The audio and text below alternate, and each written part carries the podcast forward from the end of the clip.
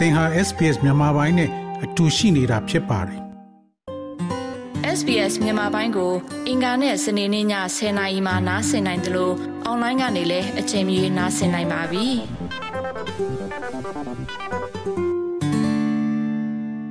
ပြီးခဲ့တဲ့ရက်ပိုင်းကပဲဆိုရှယ်မီဒီယာတွေပေါ်မှာပြန့်နှံ့ခဲ့တဲ့အနီရောင်ကတိပါဖက်နှက်လေးတရံဟာပြည်မြို့နဝရီတတာဘေကပါ ပိုင်ရှင်ရဲ့အသက်နဲ့အတူစွတ်ပစ်ခံလိုက်ရတဲ့ထဲမှာအဲ့ဒီဖက်နှက်လေးတရံနဲ့မကပါဘူးအသက်3နှစ်အရွယ်သမီးငယ်ရဲ့အသက်ပါအစ်စ်ပါခဲ့ပါတယ်ကလေးကိုချီပြီးတရားပေါ်ကနေမြစ်ထဲခုန်ချအဆုံးစီရင်ခဲ့တဲ့ဒီအမျိုးသမီးရဲ့အသက်ဟာ24နှစ်သားရှိပါသေးတယ် ဒီဖြစ်စဉ်ပါဝင်ပြီးခဲ့တဲ့ဩဂတ်စ်လအတွင်းကိုကိုကိုအဆုံးစီရင်တက်သေးတဲ့ဖြစ်စဉ်တွေဇက်တိုက်ဆိုသလိုရှိခဲ့တာက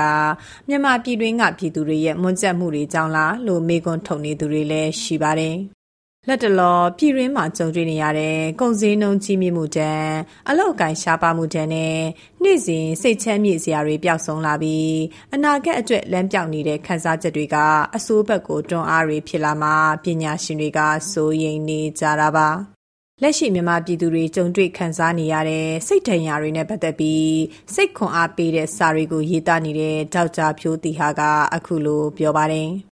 ဒီကကျွန်တော်တို့ဒီပြည်သူတွေကိုစိတ်ပီစီစေတာကတော့ uncertainty လို့ခေါ်တဲ့မရေရာမသိကြဘူးပေါ့နော်ပညာရေးကိုစဉ်းစားလိုက်ရင်လည်းမရေရာဘူးဒါကလေးတွေလူငယ်တွေနဲ့ဆိုလို့ရှိရင်လည်း အာလူလက်ပိုင်းတွေဆိုရင်လည်းအလောက်ကန်နဲ့ပတ်သက်လို့ရှိရင်လည်းမကြည့်ရဘူးပေါ့နော်ငွေကြေးလို့ခေါ်တဲ့ financial နဲ့ပတ်သက်ရင်လည်းဘာမှကြည့်ရသေးချာဘူးမရှိဘူးပေါ့နော်အဲကျန်းမာရေးနဲ့ပတ်သက်ရင်လည်းမကြည့်ရဘူးနောက်ဆုံးလုံခြုံရေးပေါ့နော်တော်လိုင်းမှာပါတီဖြစ်စေမပါတီဖြစ်စေနေထိုင်နေကိုပဲ เนาะကျွန်တော်တို့စစ်တပ်ရဲ့တခုခုနိုင်ကျင်ချမ်းဖတ်မှုကိုဂျုံလိုက်ရတယ်ဆိုတာမျိုးခံလိုက်စားလိုက်ရနိုင်တာပေါ့နော်ဆိုတဲ့အခါကျတော့အဲ့တော့တော်တော်ကြီးကိုမှစိတ်ဖြစ်ပန်းရတဲ့ကာလလို့ပြောလို့ရတယ်အဲ့ဒါနဲ့ရလက်အနေနဲ့တော့စိတ်ပန်းဆိုင်ရပြဿနာတက်ကြပြီးတော့အခုနောက်ပိုင်းသတင်းတွေမှာလည်းကြားနေရတယ်လို့ကိုကိုကိုတတ်သိမှုတွေလည်းကျွန်တော်မကြာခဏတွေ့လာရတယ်လက်လန်းမီတလောက်စီရင်တွေအရာဩဂတ်လတလထဲမှာတင်မြန်မာပြည်တွင်းမှာကိုကိုကိုအဆုံးစီရင်တဲ့သူ6ဦးထက်မနည်းရှိနေပါတယ်။ အဲ့ဒီထဲမှာစစ်အာဏာရှင်ကိုစန့်ကျင်တဲ့အကြမ်းမဖက်အာဏာဖီဆန်ရေးလှုပ်ရှားမှု CDM မှာပါဝင်ခဲ့တဲ့ဆီယာမ2ဦးနဲ့မိရထားဝန်ထမ်းတို့လည်းပါဝင်ပါတယ်။အာနာမသိန်းခင်2018ခုနှစ်ကတည်းကကမ္ဘာ့ကျန်းမာရေးအဖွဲ့ WHO ရဲ့ခန့်မှန်းချက်မှာတော့ကိုကိုကိုအဆုံးစီရင်မှုဟာနှစ်စဉ်တသန်းကျော်ရှိတယ်လို့ဆိုထားပါတယ်။ စက္ကန့်40ကိုလူတဦးနှုံးကိုကိုကိုအဆုံးစီရင်နေပြီး2020မှာစက္ကန့်20တိုင်းလူတဦးနှုံးသေဆုံးနိုင်တယ်လို့ WHO ကအဲ့ဒီအချိန်ကလေးကခံမှန်းထားတာပါအခုလိုအာနာသိန်းကာလကိုရင်ဆိုင်နေရတဲ့မြန်မာနိုင်ငံအပါအဝင်ကမ္ဘာနိုင်ငံအသီးသီးကစစ်ပွဲတွေနဲ့စက်တဲမှုတွေကြားမှာကိန်းဂဏန်းတွေဟာများလာနိုင်ခြေရှိနေပါတယ် ကိုကိုကိုအဆုံးစီရင်တည်ကြောင်းကြံတာတွေဟာအဓိကအားဖြင့်စိတ်သက်ကြတာ90ရာခိုင်နှုန်းကြောင့်ဖြစ်ပြီးရှင်သန်မှုမျှော်လင့်ချက်မဲ့လာတာကြောင့်ဖြစ်တယ်လို့စိတ်ယောဂကုဆရာဝန်တွေကသုံးသပ်ကြပါတယ်။အဲ့ဒီအခါမှာစိတ်တက်ကြတာတွေကိုအတင်ပြီးကြော်ဖြတ်နိုင်သူတွေရှိသလိုမကြော်ဖြတ်နိုင်တော့တဲ့လူနည်းစုကကိုကိုကိုအဆုံးစီရင်မှုရွေးချယ်တက်ကြတယ်လို့ဆရာဝန်တွေကပြောဆိုထားပါတယ်။ ဒီလိုစိတ်သက်ကြနေတဲ့အခြေအနေများစွာကနေရုံထွက်ခဲ့တဲ့မယင်မင်းကတော့အသက်ဆက်ရှင်ပြီးမျောလင့်ချက်မမဲ့အောင်နေထိုင်နိုင်ခဲ့သူပါလုံးဝစာဖတ်တယ်စာဖတ်လို့စိတ်နေတဲ့ချိန်မှာစာဖတ်ယူရလို့ပြောမှာပဲလုံးဝဖတ်လို့မရဘူးတေးချာတယ်ဒါပေမဲ့စိတ်ကြကြနေရခဏပဲလေကိုယ်တက်စိတ်ကြတဲ့လူမှအများကြီးကိုရမအသက်ရှင်နေတယ်လုံးဝနောက်ဆုံးတစ်ခုပြောလိုက်တာလူဆိုတာမသိမချင်းမျောလင်းလို့ရတယ်ဆိုတာယမင်းအဲ့ဒါပဲစဉ်းစားတယ်အများကြီးစဉ်းစားအောင် အဓိကအသက်ရှင်နေဖို့လူကဘလို့အချိန်ကြီးအောက်ဆုံးရောက်နေပြီအသက်ရှင်ဖို့လူကကုလသမဂ္ဂစစ်တမ်းတစောင်းအရကုကုကိုအဆုံးစီရင်တက်တည်မှုတွေတဲ့89ရာခိုင်နှုန်းဟာတအူးချင်းဝင်ငွေနဲ့ပါတဲ့တိုင်းပြည်နဲ့ဝင်ငွေအလဲလက်ပဲရှိတဲ့တိုင်းပြည်တွေမှာဖြစ်လေရှိတယ်လို့ဖော်ပြချပါတယ်။ကုကုကိုတက်တည်မှုနှုန်းဟာအာရှနိုင်ငံတွေမှာပိုများတယ်လို့လေကုလသမဂ္ဂရဲ့စစ်တမ်းကဆိုထားပါတယ်။ လူတဦးချင်းဝင်ငွေတရက်4800ကျပ်သားရှိတဲ့မြန်မာပြည်သူတွေအတွက်တော့အဲ့ဒီငွေကိုရဖို့တော့အလုတ်အကင်ခွင့်ရေးကအနိုင်နိုင်ဖြစ်နေတာပါဒီလိုအခြေအနေမှာကျန်းမာရေးပညာရေးစတဲ့ကဏ္ဍအသီးသီးမှာပါမျှော်လင့်စရာမရှိတော့တဲ့အခါဘဝတွေကိုလက်လွတ်ဆုံးရှုံးဖို့မမှန်ကန်တဲ့လမ်းတွေကိုပြည်သူတွေရွေးချယ်တာမှာစိုးရိမ်နေကြပါတယ်။ အာနာသိန်းကာလဖြစ်တာကြောင့်အစိုးရနဲ့အဖွဲ့အစည်းတွေကပြည်သူတွေပေါ်မဖေးမနိုင်တဲ့အခြေအနေမှာမိသားစုတွေကကိုခင်တွေရာကိုစုပ်ကင်ထားတဲ့နေလို့အကြံပြုလာသူကစစ်ကျမ်းမာရေးကုထုံတင်တန်းတွေပြီးနေတဲ့ဆရာဦးအောင်မင်းပါ။ helpless နဲ့ hopeless နှစ်ခုနဲ့ကွာသူအကူအညီဘယ်လိုမှမသွားတောင်းလည်းမပေးတော့ဘူးကွာမပေးတော့ဆိုပေးမဲ့လူကတော့ရှိမှာပါဒါနဲ့သူကတော့အာသတ်မှတ်လိုက်တာပါငါ့ကိုကိုကြီးမဲ့လူမရှိဘူးဘူးမှမရှိတော့ဘူးသတ်မှတ်လိုက်နောက်တစ်ခုက hopeless လေ hopeless ကငါအသက်ဘယ်လို အသက်ဆက်ရှင်ရမယ်ဆိုတော့ညှော်လင့်ချက်မရှိတော့ဘူးအခုနေပေးမဲ့လူမရှိရင်မကောက်ဘူးညှော်လင့်ချက်တော့ပြုတ်မှာနောက်တစ်ခုရှိသေးတယ် အဲ့ဒါက ဘာလဲဟိုဖေးတွေ အရက်တွေအားရကြောင့်တကယ်ကဒီဒီလိုပေါ့လို့ဆက်ပြီးတက်တက်ပြီးပါလားအားရတော့တော့ရှိတယ် ဒါပေမဲ့ တောင်းတောင်းလို့ရှိရင်ဒီမှာစတောင်းမလဲလို့ ပြောနိုင်ငံတကာမှာတော့ အဖွဲ့တွေရှိတယ်လေ အစိုးရအဖွဲ့တွေကဟာရှိဒီနိုင်ငံမှာမရှိဘူးလေ မရှိတော့ဒီသားစုမှာတန်လို့ပါ ကိုကိုညီနိုင်မဲ့လူဘယ်လိုလဲတခါလေအကူညီရမယ့်မကူညီနိုင်တဲ့လူကအဖေဟုတ်ချင်မှာဟုတ်အမေဖြစ်ရင်ပြအမေဟုတ်ချင်မှာဟုတ်တယ်အဖေဖြစ်ရင်ဒါမှမဟုတ်တူမလေးဖြစ်ရင်ပြတယ်ဘာဖြစ်ရင်ပြတယ်ကိုယ့်ကိုရှာ family ကိုအခု family issue ကအရင်ကြီးလာတာမိသားစုတွေရှိရှိရှိဖို့ဆိုတာဟာဟိုနိုင်ငံတကာလုံး2018တုန်းကတော့ WHO ရဲ့နိုင်ငံအလိုက်မိမိကိုယ်ကိုအဆုံးစီရင်တဲ့နှုံစီရင်မှာဆိုရင်နိုင်ငံပေါင်း200ရှိတဲ့အထက်မြန်မာနိုင်ငံကအဆင့်94မှာရှိနေပါတယ်။ 2018ကလေးကရှိခဲ့တဲ့ဒီလိုကိန်းဂဏန်းတွေဟာကောင်းမွန်တဲ့ပြရုပ်တော့မဟုတ်ခဲ့ပါဘူး။အာနာမသိငင်2020ကိုဗစ်ကာလမှာကလေးကမြန်မာပြည်သူတွေဟာမိုးကျပ်မှုတွေနဲ့ဖြတ်တန်းနေကြရတာပါ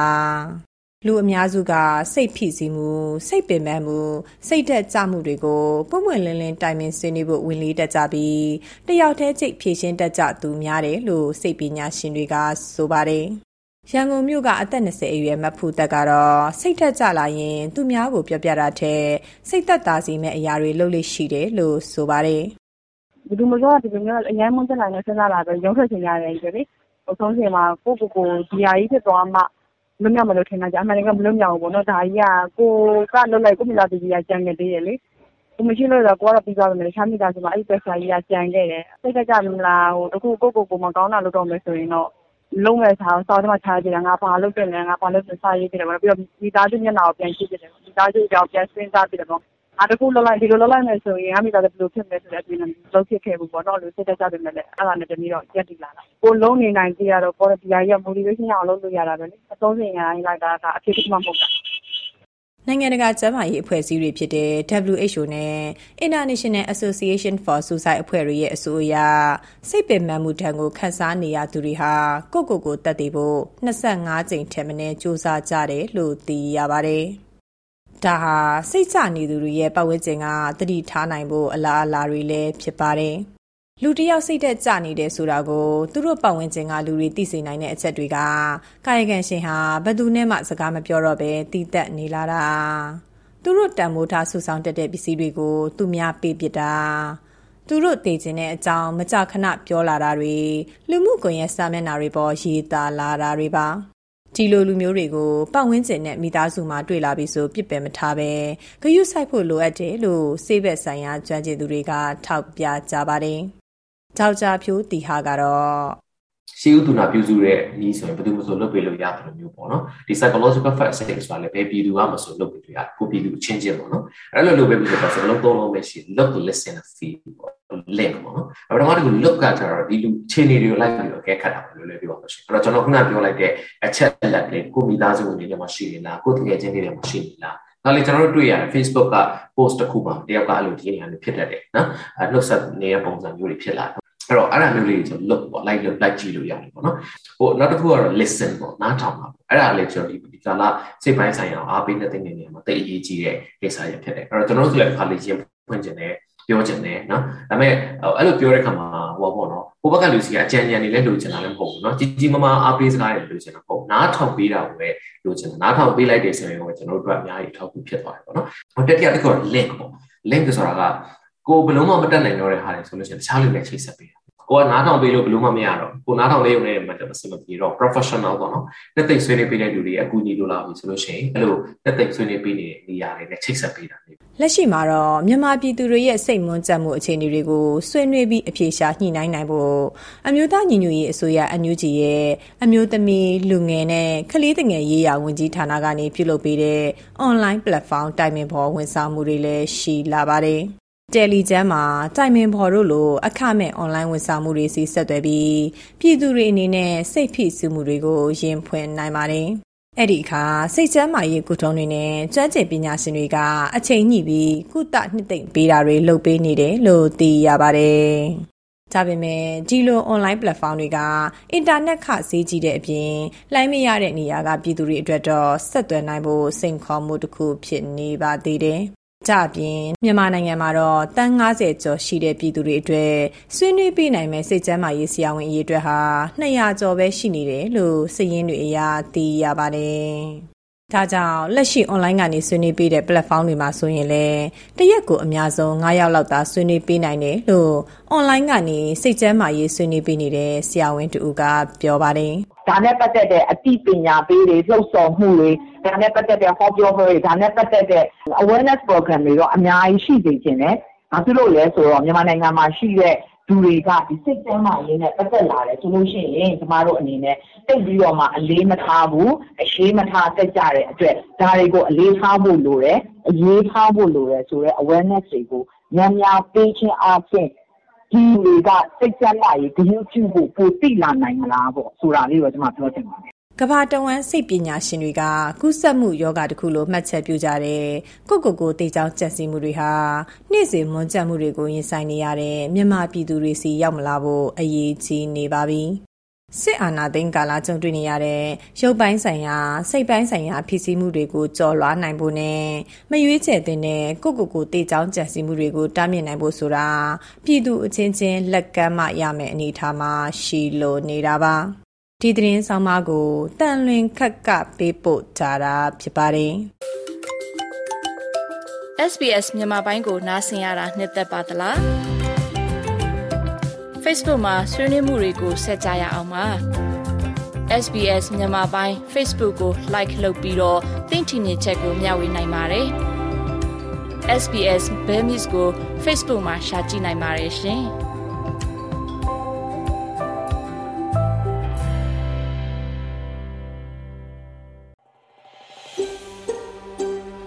ဒါမျိုးသတင်းဆောင်မတွေကိုပိုနားဆင်လိုပါလား Apple Podcast Google Podcast Spotify တို့မှာသင်ပင်ရာဖြစ်ဖြစ်ရယူတဲ့ podcast ကနေပါ။